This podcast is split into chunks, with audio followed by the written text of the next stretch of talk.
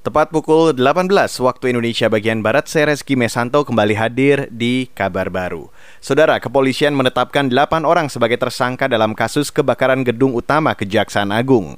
8 tersangka terdiri dari 5 pekerja tukang, seorang mandor, vendor dari PT ARM, dan seorang pejabat pembuat komitmen atau PPK di Kejaksaan Agung.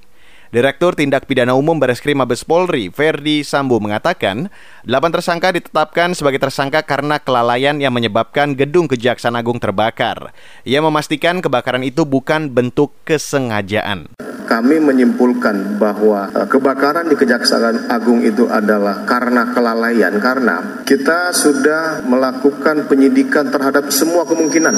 Kemungkinan yang pertama tadi kita sudah maksimalkan apakah ini dibakar atau tidak. Nah, semua kemungkinan-kemungkinan ini dari pemeriksaan saksi, petunjuk ahli, maka disimpulkan bahwa tidak ada kesengajaan dari mereka untuk melakukan pembakaran. Tetapi karena kelalaiannya merokok di sembarang tempat, membuang puntungnya di sembarang tempat. Direktur Tindak Pidana Umum Bareskrim Mabes Polri Ferdi Sambo menjelaskan, tukang dan mandor ditetapkan sebagai tersangka karena lalai dalam menjalankan tugas.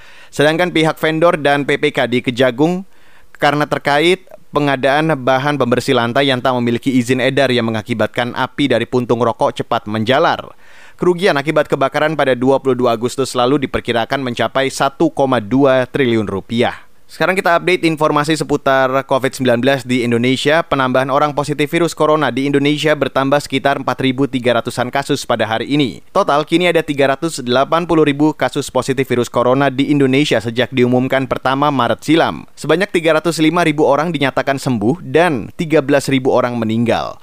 Pemerintah terus mengingatkan masyarakat untuk selalu mematuhi protokol kesehatan di mana pun berada guna mencegah tertular virus corona. Protokol kesehatan adalah memakai masker, menjauhi keramaian, menjaga jarak, serta rajin mencuci tangan. Dalam waktu dekat, pemerintah juga bakal mendatangkan tiga jenis vaksin dari Tiongkok untuk vaksinasi. Saudara, Kementerian Perhubungan meyakini pemberian subsidi tiket pesawat tidak akan memicu penyebaran pandemi COVID-19 dari sektor transportasi udara. Subsidi diberikan dalam bentuk menggratiskan biaya pelayanan jasa penumpang pesawat udara atau PJP-2U atau Passenger Service Charge atau PSC.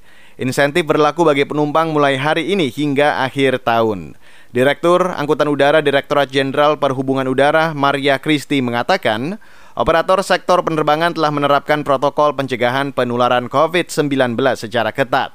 Ia meyakini meski terjadi kenaikan penumpang usai pemberian subsidi itu, penularan virus corona tidak akan meningkat. Pemberian subsidi diharapkan mampu membantu pemulihan sektor penerbangan. Dan hingga September lalu jumlah penumpang angkutan udara terus turun sebesar 10,2 persen usai penerapan PSBB di DKI Jakarta. Demikian kabar baru KBR, saya Reski Mesanto.